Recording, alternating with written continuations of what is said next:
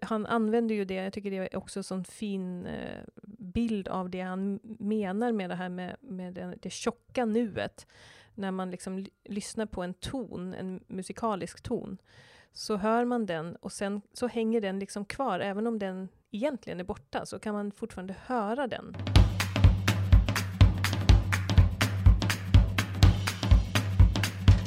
Hej och välkommen till podcasten Art of Collaborating som är producerad av Lenka. I den här poddserien samtalar vi, det vill säga Anna Singmark och jag, Caroline Bottheim, om intressanta böcker som kan bidra till våra förmågor i samverkan.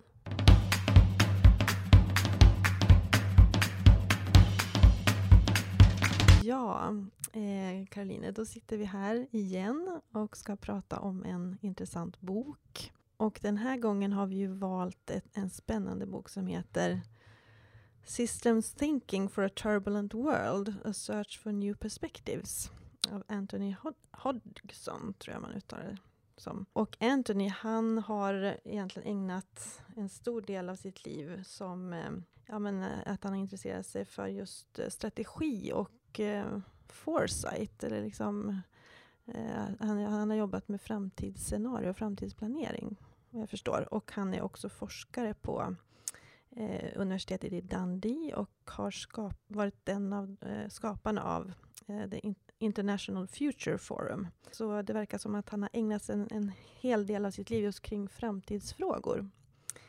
Eh, men vi tänkte att vi ska checka in i detta samtal. Eh, vad tänker du Karolina? Vad kan vara en bra check-in-fråga? Jag tänker att check-in-frågan kan vara hur ska vi ta oss an det här samtalet? Kanske lite abstrakt, men det blev min check-in-fråga nu.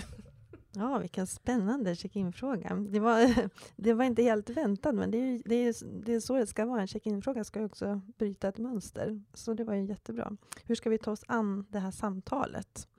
Eh, ja, men det är ju verkligen en bra fråga, för jag tänker att den här boken är ju väldigt spännande och väldigt komplex.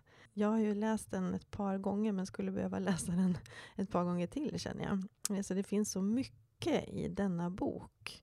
Så att det är klart att eh, jag bara tänker så spontant att vi kanske kan lyfta några intressanta saker i boken, men, men eh, ja, inte allt. Vad tänker du? Det var nog därför jag ställde frågan också, för att jag, när jag började läsa den så, in, så tog det mig så himla lång tid att bara liksom ta mig igenom de första, typ det första kapitlet. För att det kändes som att det var så mycket ehm, jag, jag behövde liksom tänka så mycket kring det som stod där. Och då tror jag att jag tänkte också väldigt mycket på hur kan man omsätta det här, eller vad betyder det här?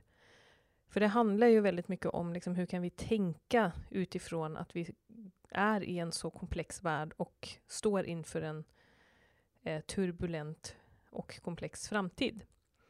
Och då, jag vet att precis, jag tänkte så här igår att alltså herregud, vi kanske måste göra två avsnitt om den här boken för att det är så mycket. Och det kanske räcker att man bara pratar om en, en del i det. Liksom. Så att jag tänker också att kanske vi tar oss an det så att vi inte försöker fånga allt. Utan jag tror att jag kommer försöka försöka få ner det väldigt mycket i praktiska... Ja, göra det praktiskt, för det är så jag har läst den boken också. Är vi, nu är vi klara med check-inen. Eller ska vi ha någon mer tanke nu? Ja, men jag, jag tänker bara en till fråga. Eh, vad, du var ju inne på det lite grann, men vad, vad, tänker du att den här boken handlar om på ett liksom mer så övergripande plan innan vi går in mer specifikt? Så där. För den heter ju Systems Thinking for a Turbulent World, A Search for New Perspectives. Vad tänker du att den handlar om? Jag tycker att den just nu att den handlar om eh, att både hitta vad ska man säga, nya perspektiv på ett systemtänkande. Eh, för han skriver ju mycket om systemtänkande som liksom en disciplin.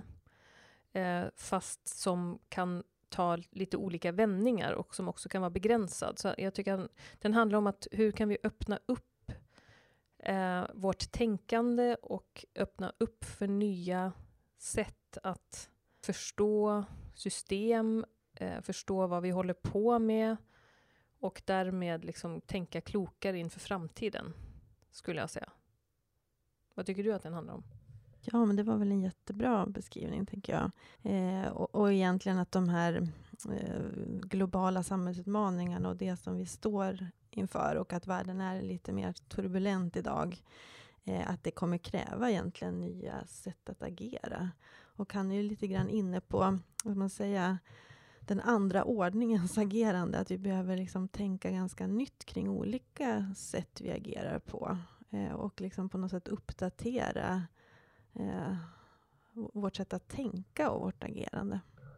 Och jag tänker, nu säger vi så här, ja det är ju en komplex och turbulent värld vi är i. Eh, men jag tänker att det handlar ju också om, och det är det som gör det här så himla härligt komplext på något sätt. För det han skriver väldigt mycket om, tycker jag, det är också att hur vi ser på världen och när vi säger att den är turbulent och komplex, då använder vi eh, olika perspektiv på det, eller vi kommer någonstans ifrån när vi tittar på världen. Och vi kommer från något perspektiv och varje perspektiv är alltid ett begränsat perspektiv. Så det går liksom inte att... Det, det är ju, tycker jag, det första som är väldigt sådär fundamentalt viktigt på något sätt, att inse det. Att vi kan ha en tendens eh, att tro väldigt starkt på vårt eget perspektiv, eller tänka att eh, att världen är något objektivt som är utanför oss själva, eh, som vi liksom tittar på. Så att typ, ja men du har din bild av det och jag har min bild av det och de är lite olika, men det finns ändå en objektiv värld som finns.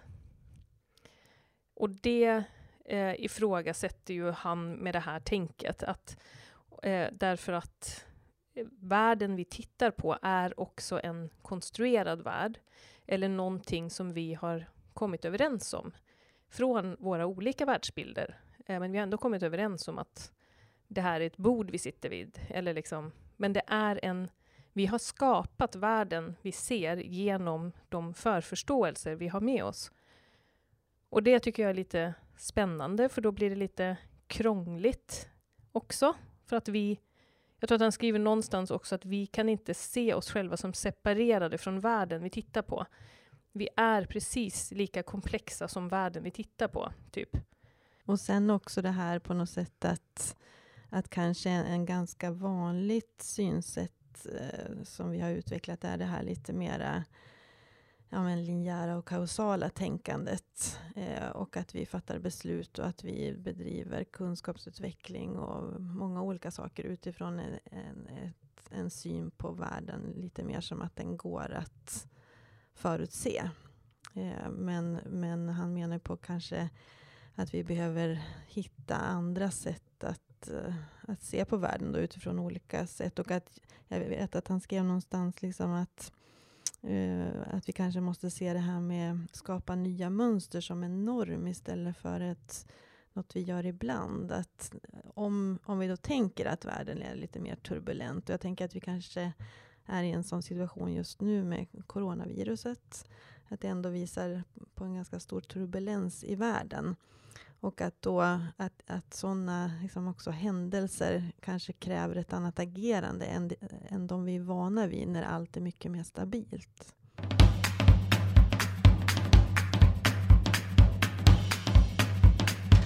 Det är ju det som har kommit upp nu i många samtal, det här med att vi är så sårbara i Sverige också på grund av det här just in time, eh, de här processerna som är liksom så, vi är så beroende av så många andra länder. Eh, så händer det någonting så står vi där. Liksom. Och då beskriver han just det i den boken faktiskt, att just det där fenomenet just in time, eh, det är skapat utifrån att vi har väldigt stabil, en väldigt stabil omvärld där det inte händer någonting oförutsägbart. Vilket i sig är väldigt intressant att vi har, att vi har gjort så.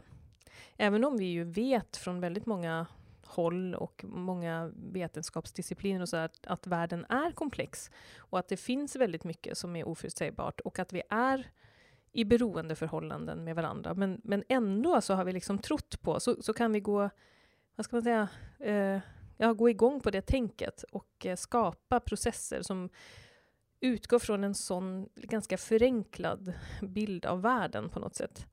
Så, och jag tycker det där är så intressant att liksom fundera på. Han, prat, precis, han pratar om det här andra gradens eh, perspektiv eller andra gradens eh, vetenskap. Att vi behöver liksom titta på vad är det för antaganden som styr vad det är vi ser och beslutar om just nu? Och se oss själva lite, försöka liksom ta ett metaperspektiv på det vi håller på med. Som ett sätt att liksom möta komplexiteten. Ja, det där är ju jätteintressant, för på något sätt, ja, men både det du pratar om just in time, men också det sätt vi bedriver vetenskap på. Idag har ju liksom en, särskilt det då, kanske just in time är lite nyare fenomen, men, men sättet vi bedriver vetenskap på är ju verkligen något som har växt fram över väldigt lång tid.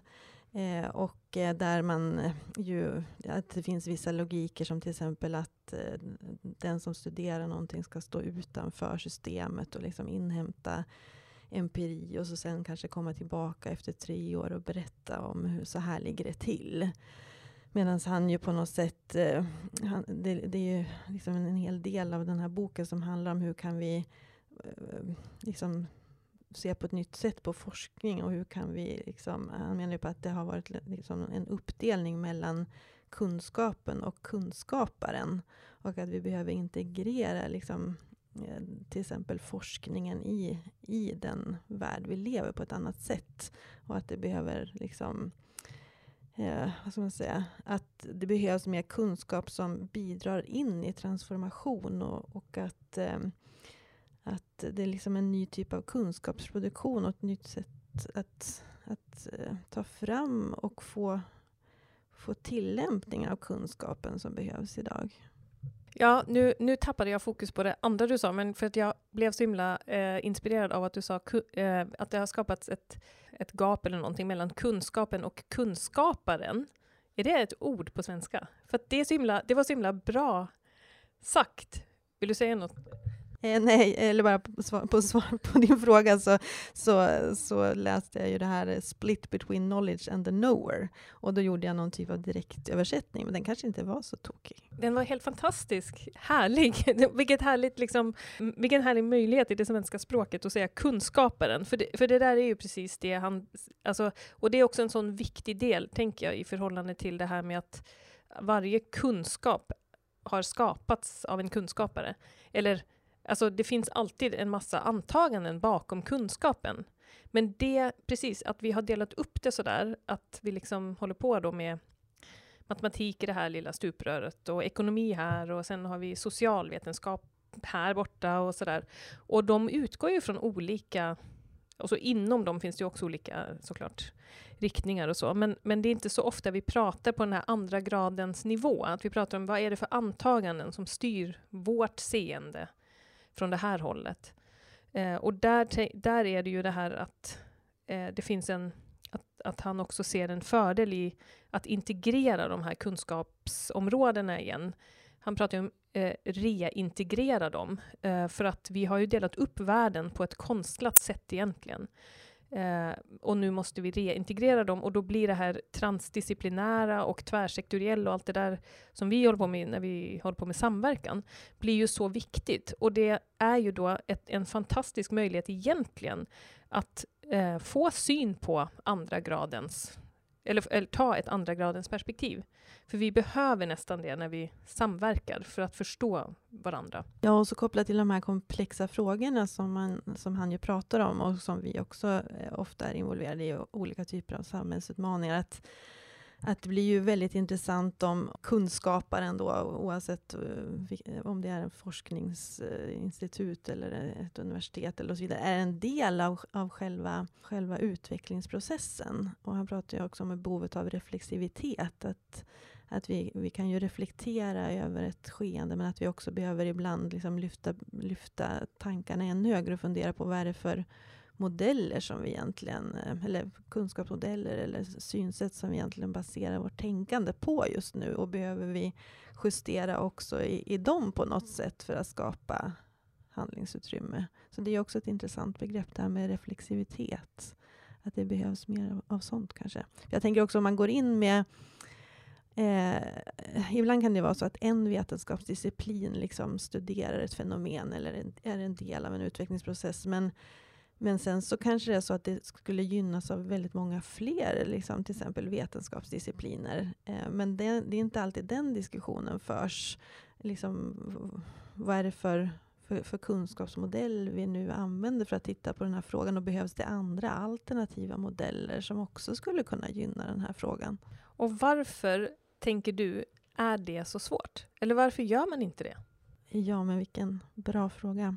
Ja, ja en sån här snabbt svar skulle vara att vi, eh, apropå det här med mönster, att vi, vi går in i våra mönster och att till exempel vissa vetenskapsdiscipliner kanske har vana att studera en viss fråga och är liksom mer involverade medan omvärlden då är, för, är föränderlig och det uppkommer nya fenomen. Jag tänker bara nu, vi står i den här coronakrisen. Har vi förberett, förberett oss på det? Hur vi ska liksom generera kunskap i, i, en sån här situation till exempel och vilka perspektiv är viktiga att involvera utifrån någon typ av kunskapsutveckling just nu.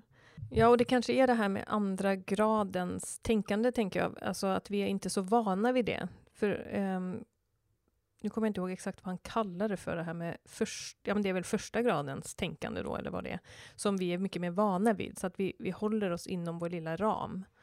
Och där kan vi liksom lära oss någonting, men det är inte särskilt, om man nu ska prata om, eh, alltså det, det vi lär oss någonting, men ingenting som, som påverkar våra grundantaganden. För jag tror att han skriver någonstans om det också, om lärande. Eh, att vi lär oss inte andra gradens tänkande och lärande. Han prat, alltså, man kan ju säga precis, eh, andra gradens lärande är ju också det att, att man tar inte bara in information i det, den referensram man redan har, utan man får nya eh, ja, grundantaganden, eller assumptions heter det på engelska, men, och, men också värderingar kanske och sådär. Så man kan, vi skulle ju kunna bli mycket bättre på det. Eh, och hade vi haft ett sånt andra gradens tänk, då kanske det hade varit enklare för oss att, att bjuda in andra vetenskapsområden, för att vi fattar att eh, vi ser frågan alltid bara från ett begränsat perspektiv. Ja, också hur själva eh, liksom, det här eh, lärandet ska, ska ske. För idag tycker jag att ofta, om man tar till exempel väldigt intressant forskning som bedrivs inom olika områden så kan det ju ibland, ibland då vara så att ja, men forskaren bedriver sin intressanta forskning och gör olika observationer och, och, skriver intressanta artiklar och sen ska den forskaren väldigt ofta ha någon typ av liksom spridningstid eh, eh, när forskningen börjar vara avklarad. Och då, då handlar det väldigt mycket på något sätt om att forskaren ska informera det övriga samhället om, om de här intressanta forskningsrönen. Och, och, väldigt ofta bedrivs det i form av föreläsningar till exempel, eller olika så här, spridningsaktiviteter som man säger. Eh, och, och de människor då som, som jobbar med de här komplexa frågeställningarna, eller jag tänker bara på hur sker det mänskliga lärandet och är det ett ultimat sätt att faktiskt ta, ta till sig också den kunskap som produceras. Apropå det här med involvering och vad, vad behöver vi för att faktiskt liksom, eh, reflektera över någonting och kanske förändra våra mönster i vårt arbete. Det, det där är ju i sig en jätteintressant fråga med liksom forskning och så vidare. Men, men jag tror att han nämner ju det också vid flera tillfällen, alltså behovet av i, idag att ta in flera och involvera flera i både beslutsprocesser och eh, lärande och forskning och allt möjligt. Eh, vi kan egentligen inte, alltså om vi tänker till lite så, kan vi, så är det det vi behöver göra helt enkelt. För att förstå världen bättre och förstå hur vi ska agera bättre också.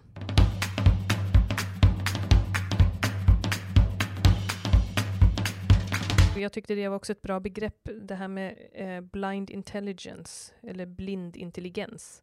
Att i våra stuprör, eller bara när vi ser saker från ett perspektiv, då blir det blind intelligens. Och det betyder att det kan vara smart. Det kan ju vara som den där just in time-lösningen.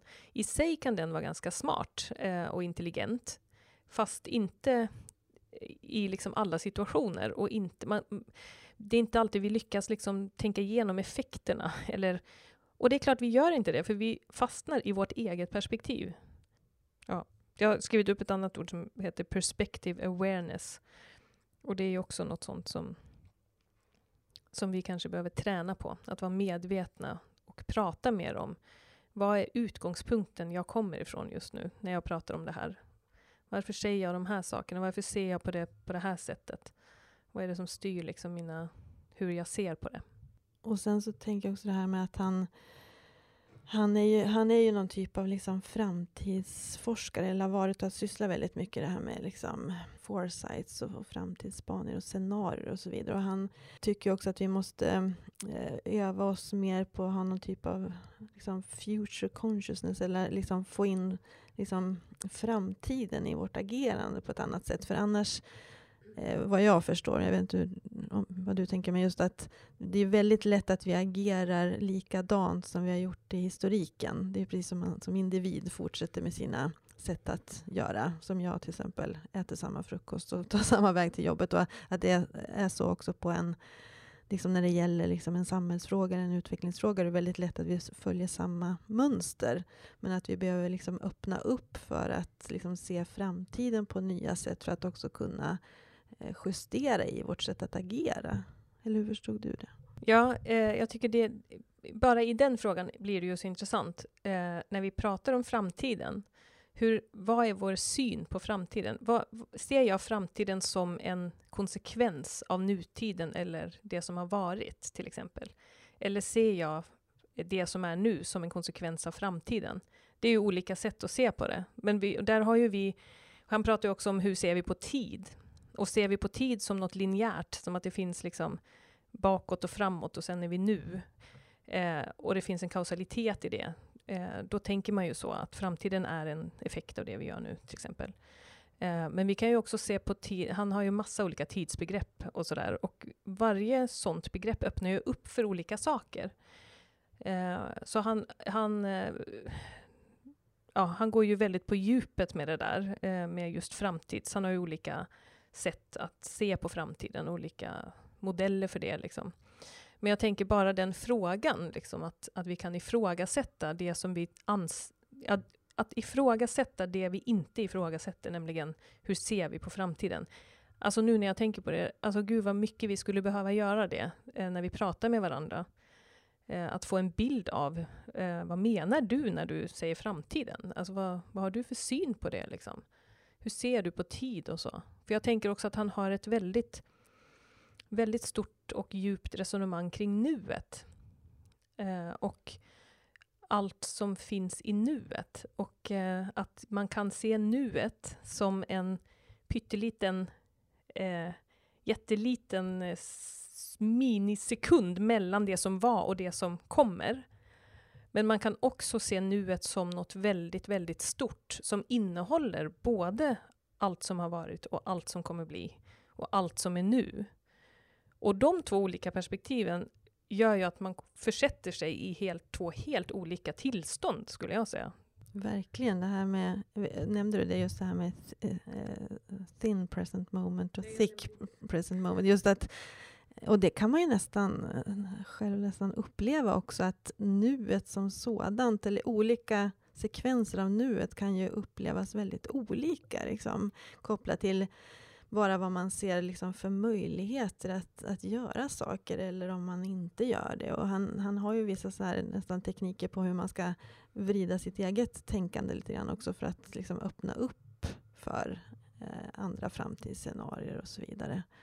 Eh, jag tänker bara på det här, vi har ju ibland, eh, när vi har haft sådana här, eh, vad ska man säga, strategidagar eller verksamhetsdagar, då har ju vi struntat lite grann i så här, eh, konventionell eh, strategiplanering utan bara sagt frågan eh, what if eller tänk om. Alltså tänk om eh, vi skulle göra det där, eller tänk om vi skulle göra det där. Det kan jag ju se på något sätt som ett sätt att bjuda in framtiden i nuet. Alltså att man, man liksom ställer andra typer av frågor. Eller, ja, det var bara en tanke. Ja, precis. Och jag, och jag tänker också att eh, jag tycker att vi gör det ibland när vi till exempel mediterar innan ett möte. Eller eh, bara eh, vad ska man säga, när vi checkar in och bjuder in väldigt stora delar av Ibland blir det ju så att vi checkar in väldigt länge, för vi har så mycket att berätta om som vi tar med oss in i ett möte, eller i en stund, eller i ett nu då, eller vad man ska säga.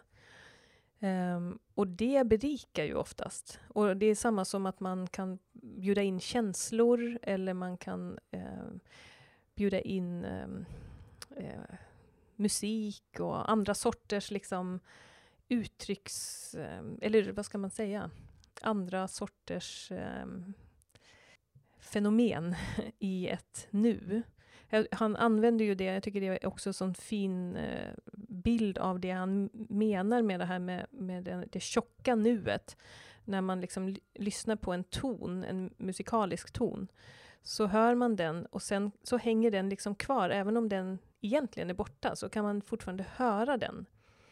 Eh, och det är ju lite det här att man, man har med sig någonting som fortfarande spelar in i nuet på något sätt. Och antingen så kan man, ja man kan liksom bredda sitt medvetande för det, för att öppna upp för det han också pratar om, eh, potentialen i det som är, eller eh, det här latenta som ligger hela tiden i nuet, som är då egentligen något som är möjligt att förverkliga i framtiden. Ja, jag blir så glad när jag tänker på det där, för jag tänker så här, gud vad härligt att vara i ett sånt nu.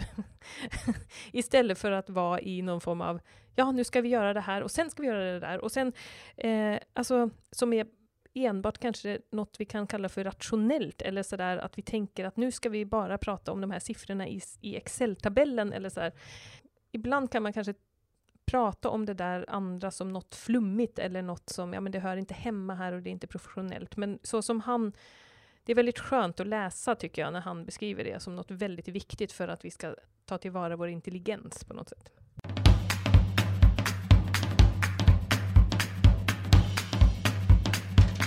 Ja, det är mycket spännande i denna bok. Den är så thick, bara boken på något sätt.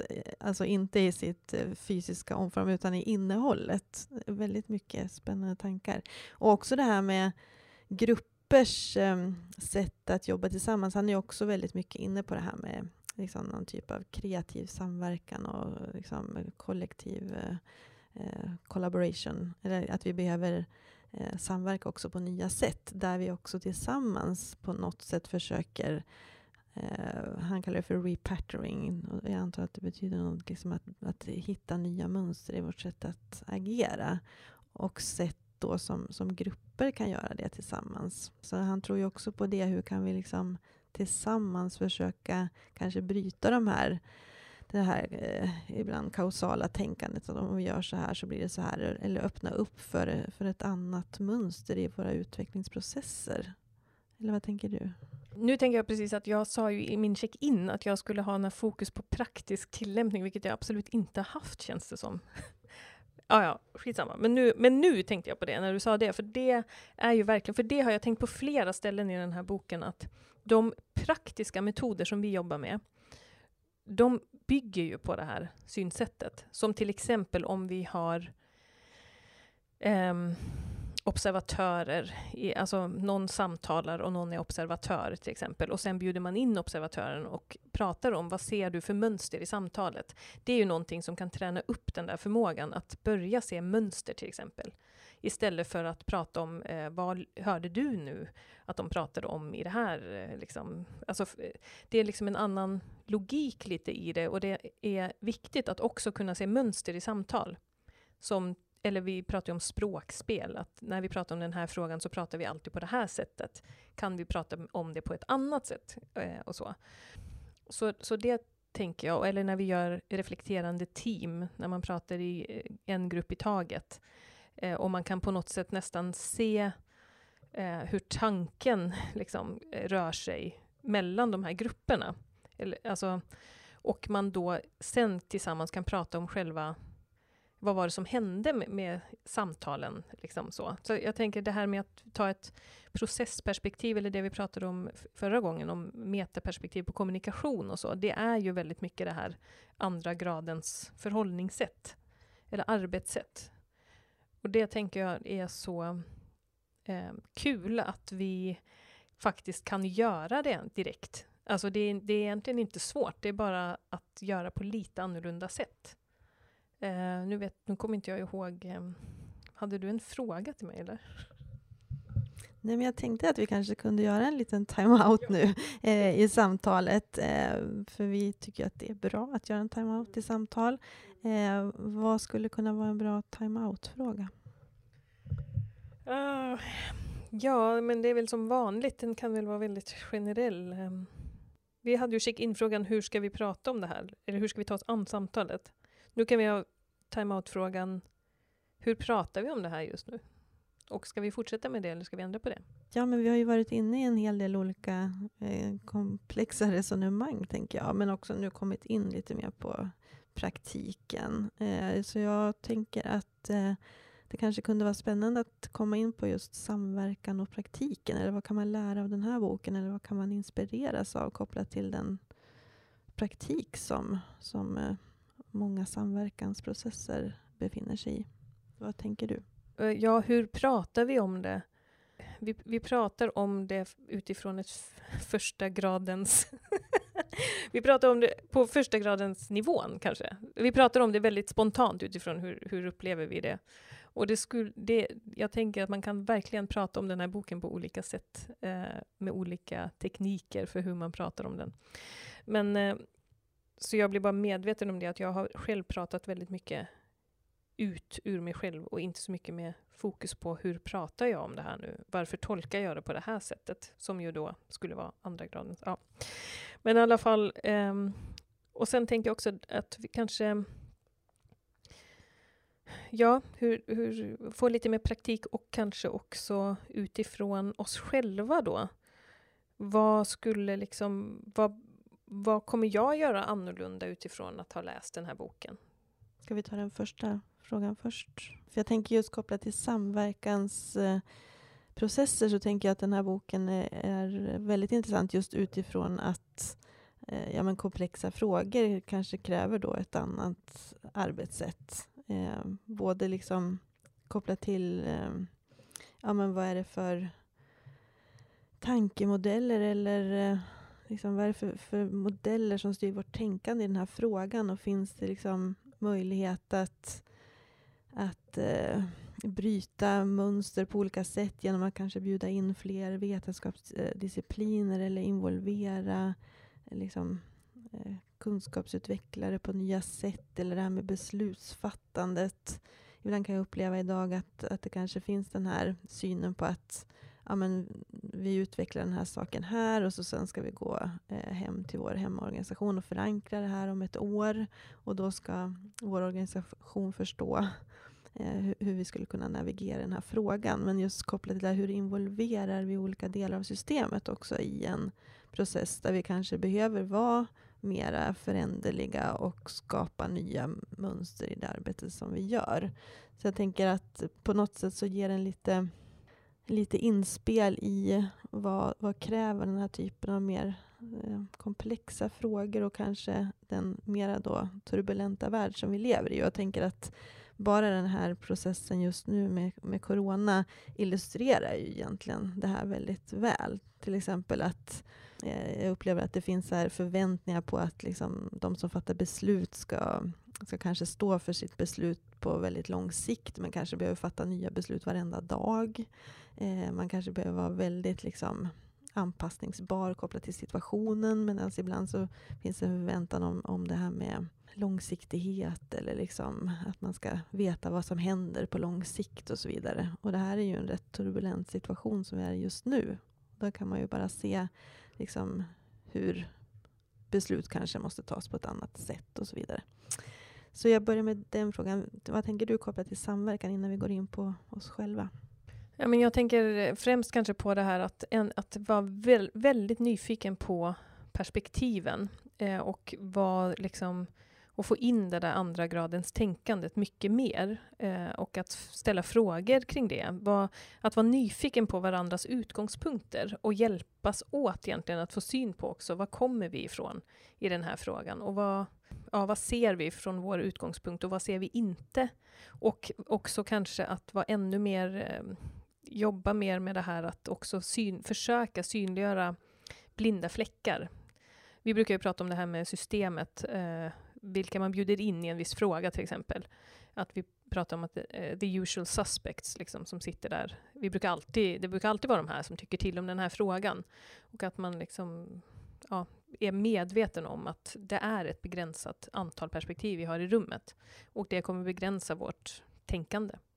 Så det tänker jag. Och sen då igen ha med sig de här, egentligen kanske i en samverkansgrupp på riktigt prata om hur ska vi eh, tänka klokt tillsammans. Nu har vi alla de här perspektiven och all, all, alla kontexter med oss och hur ska vi liksom ta tillvara det där eh, på något bra sätt? Och för konsten är ju också att integrera de här perspektiven. Och hur ska vi då göra det? Så att, det, så att vi inte faller i de här vana mönster, eller gamla mönster kanske, eh, som vi är vana vid inom våra perspektivstuprör. Det är väl det jag tänker på. Så förutom allt annat som också relaterar till det här. Men nu kom jag på en annan sak, att jag liksom tänker, vad är, han, vad är, den blinda, vad är de blinda fläckarna i hans bok? För att eh, han bjuder ju in olika perspektiv, olika vetenskapsområden i, sitt, i sin bok, om man säger så. Men det jag tänkte på nu när du pratade eh, om situationen vi är i nu, så tänker jag på det här med till exempel det relationella och eh, nätverkskapacitet och, eller relationell kapacitet som Ja, jag fick bara den tanken nu. Han går inte så mycket in på det. Eh, men, men vi pratar ju en del om det när vi pratar om tillit och så vidare. Och jag tror att det är en viktig del av, av det vi befinner oss i just nu, men det får vi prata om en annan gång.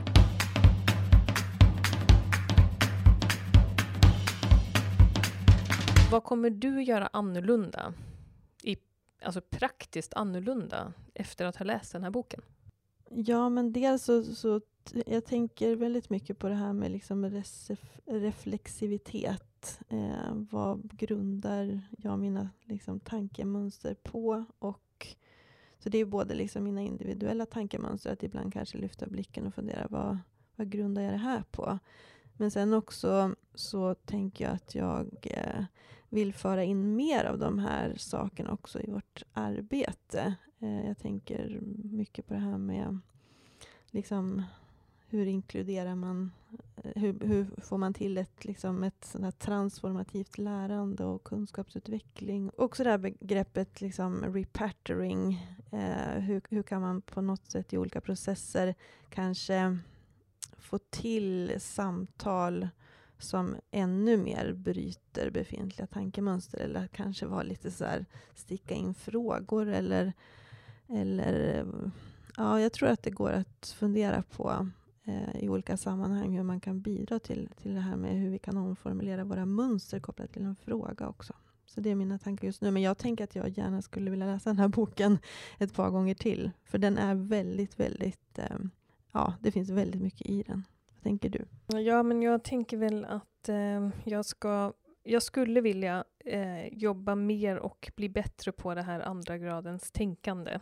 Verkligen, jag, att, att det påminna mig om det liksom.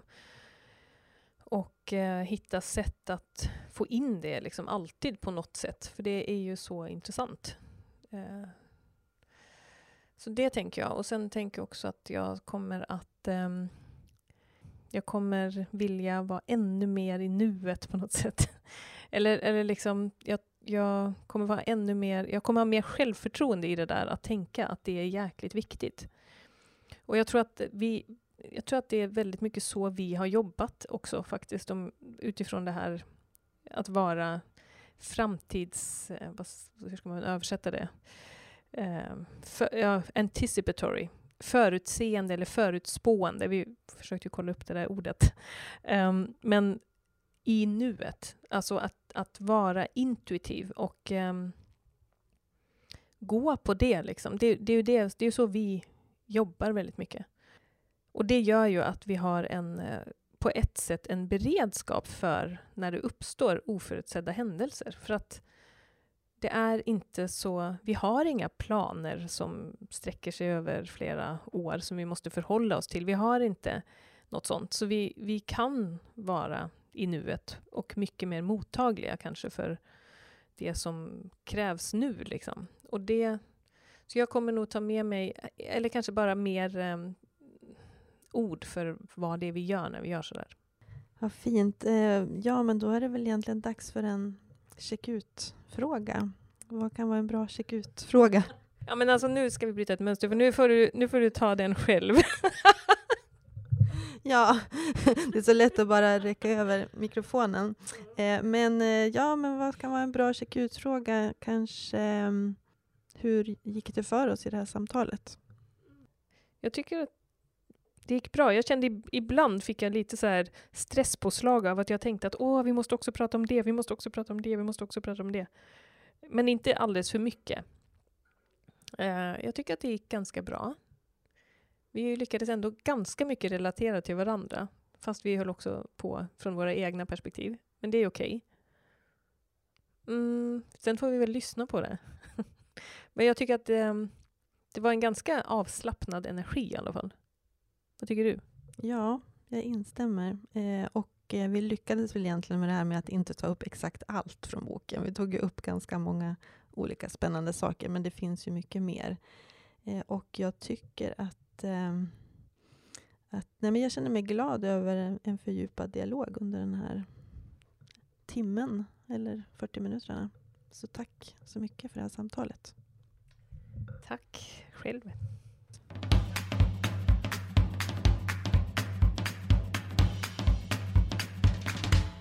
Tack för att du har lyssnat. Den här podden är producerad av Lenka och redigering görs av Emma Larsson som är skribent och dokumentärfilmare. Vi hoppas att du blev inspirerad och stärkt i ditt intresse för att fortsätta utforska fenomenet samverkan.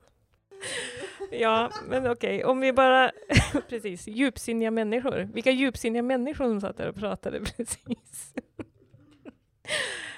Vad ska vi säga om dem egentligen? Ja, eh, vanligtvis eh, finns ju eh, lite större mått av flamsighet också. Jag känner att vi kanske gick in i det här ganska seriöst. Ja, på riktigt alltså. Vi får ju ta och skärpa oss och vara lite mer flamsiga i, i de seriösa samtalen.